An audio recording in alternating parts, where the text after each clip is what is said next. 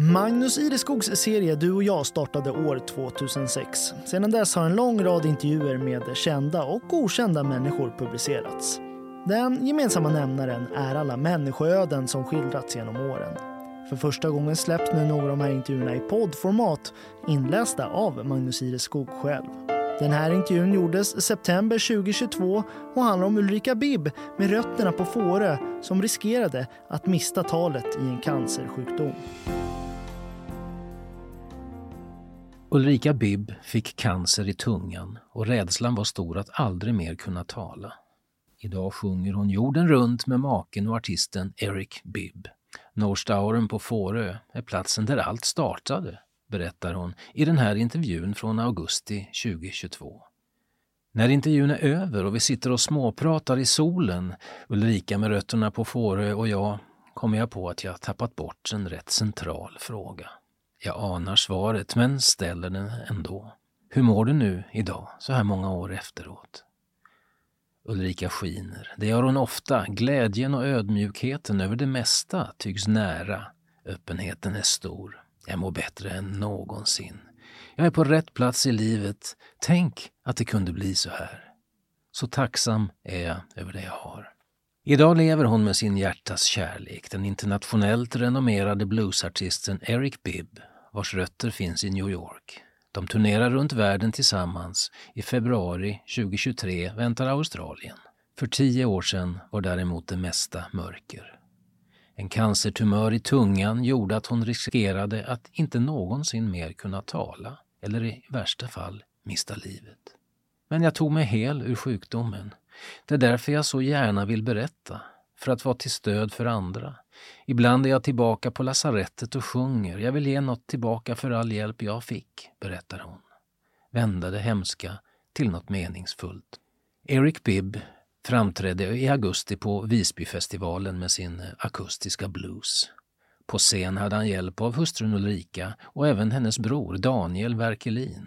Och så är det. Ulrika har, liksom sina syskon, rötterna på Gotland och Fårö.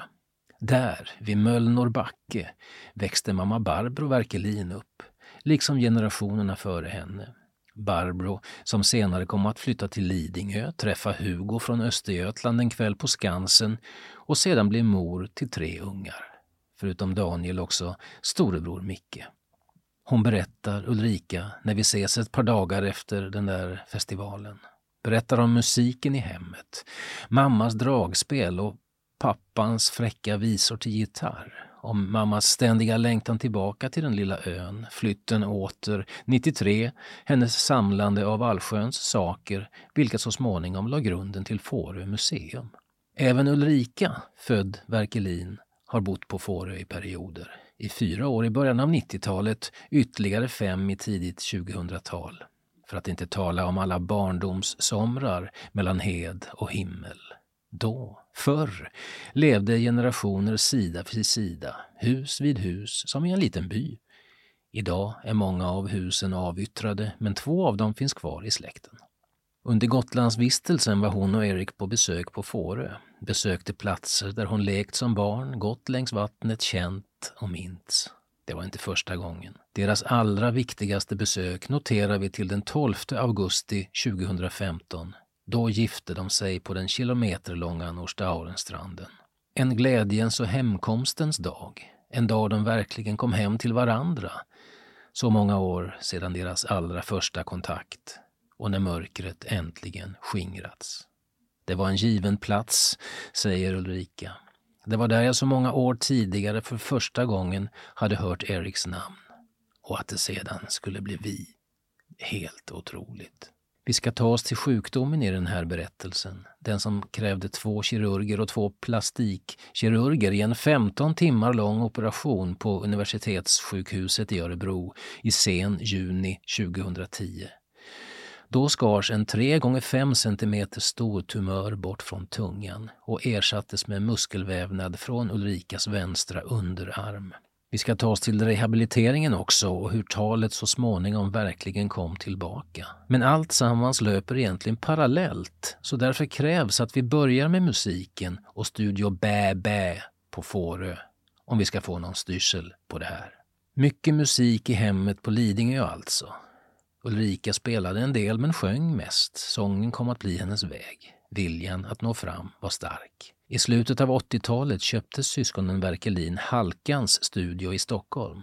Jan Halkan Hallqvist, som är legendarisk i musikkretsar och som i evighet drivit gitarrbutik på Södermalm i Stockholm. Studion fraktades till Fårö, döptes till Studio Bä Bä och där kom också en obskyr skiva med projektet Militant front mot bro till Fårö till. Men det är en helt annan historia som vi inte tar upp här. Jag sjöng en del live och spelade även in demos som jag inte visste vad jag skulle göra med. Så träffade jag Peter Umblia på stranden en dag. Jag visste att han hade kontakter i branschen så jag berättade om min senaste demo och fick rådet att skicka den till Eric Bibb. Eric who? Eric Bibb? Hon hade inte en aning. En ny bekantskap för Ulrika, men redan etablerad i Stockholms musikvärld. Eric är född i New York. Pappa Leon var sångare och skådespelare och aktiv i medborgarrättsrörelsen på 60-talet. Tillsammans sida vid sida med namn som Martin Luther King, Harry Belafonte, Pete Seeger och Joan Baez.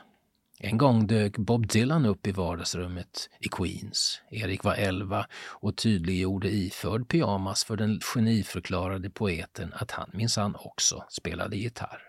22-årige Dylans musikaliska råd till den lille pyjamaspojken var Keep it simple.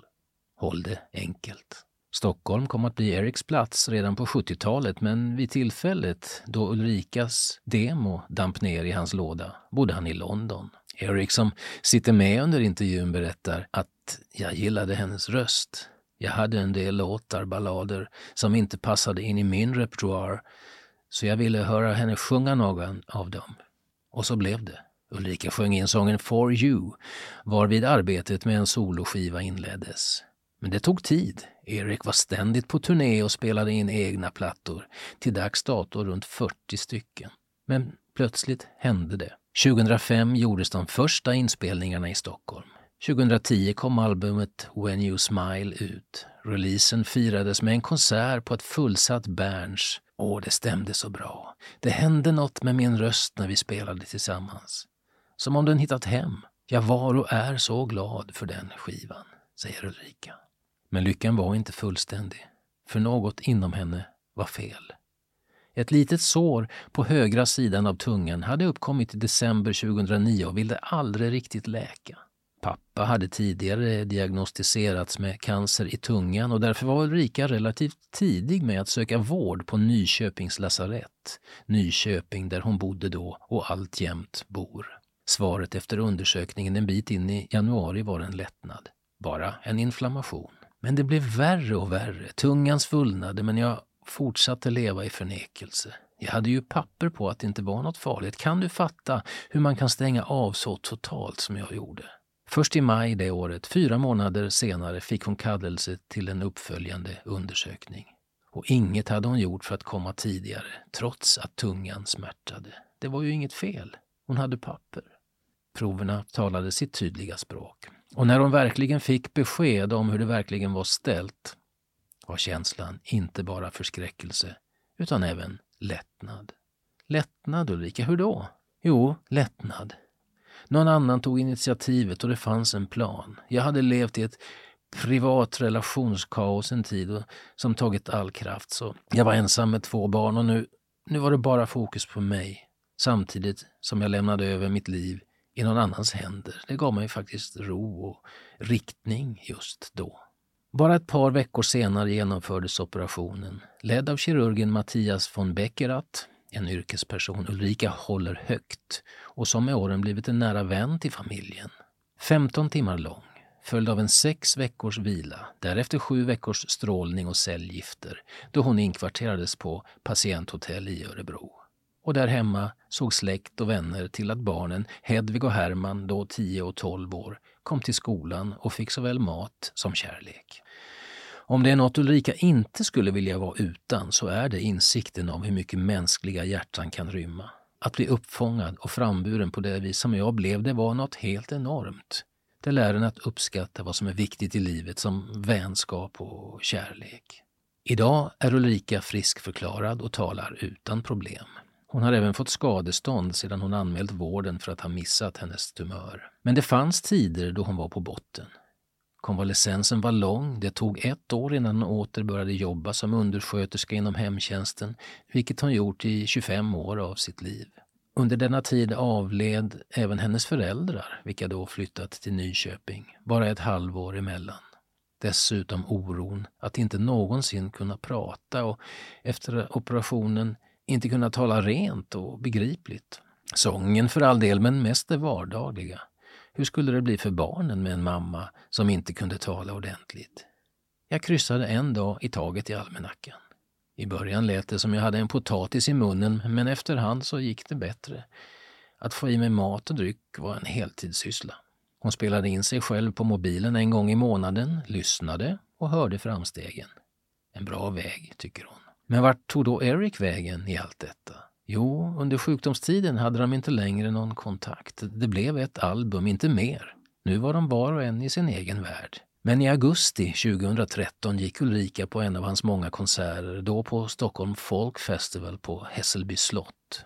Nog för att det tidigare funnits intresse från båda håll, men denna dag stod stjärnorna uppenbarligen rätt. Ja, skrattar Ulrika. Det hände någonting där och då. I was born to be your loving man, the one who wears a Panama hat som han sjunger i låten Born to be your man från 2016. En låt om ödet och vad som möjligen är predestinerat. Hatten, hans varumärke och den livslånga kärleken fångad i en och samma strof. Hon bär erfarenheterna från sjukdomstiden inom sig. Tacksamheten också, den att ha kommit åter till livet. Den friske har tusen önskningar, den sjuke bara en, som det brukar sägas. Hon sa upp sig från sitt jobb inom hemtjänsten 2016 och ägnar nu all sin tid åt att arbeta som administrativ assistent åt Erik. Eller rättare, de ägnar all sin tid åt varandra. Vi började ganska tidigt sjunga och spela ihop. I början fick han dra i mig. Jag hade mest fokus på det som inte lät bra, men ju mer tiden gick, desto bättre lät det. De har nu även gjort en duoplatta. Den heter Pray, Sing, Love och kom 2018. Under pandemin har det mesta stått stilla men nu är resandet igång igen.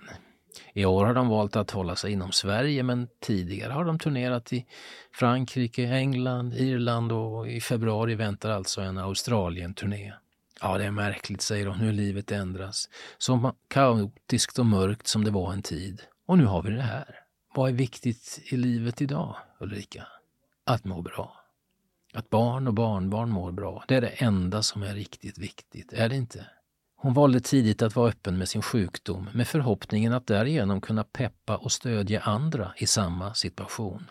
Ett par gånger har hon varit tillbaka i Örebro och sjungit för sjukvårdspersonal och elever. Inte sällan rörs de till tårar över hur bra historien slutade.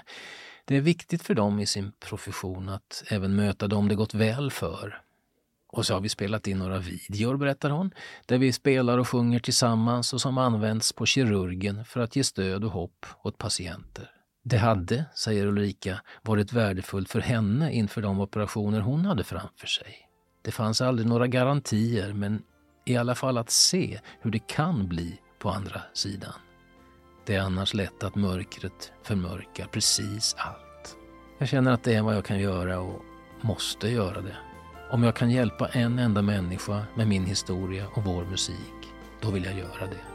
Ja, gillar du också Magnus Ireskogs intervjuserie Du och jag så finner du fler avsnitt på helagotland.se under poddar och program.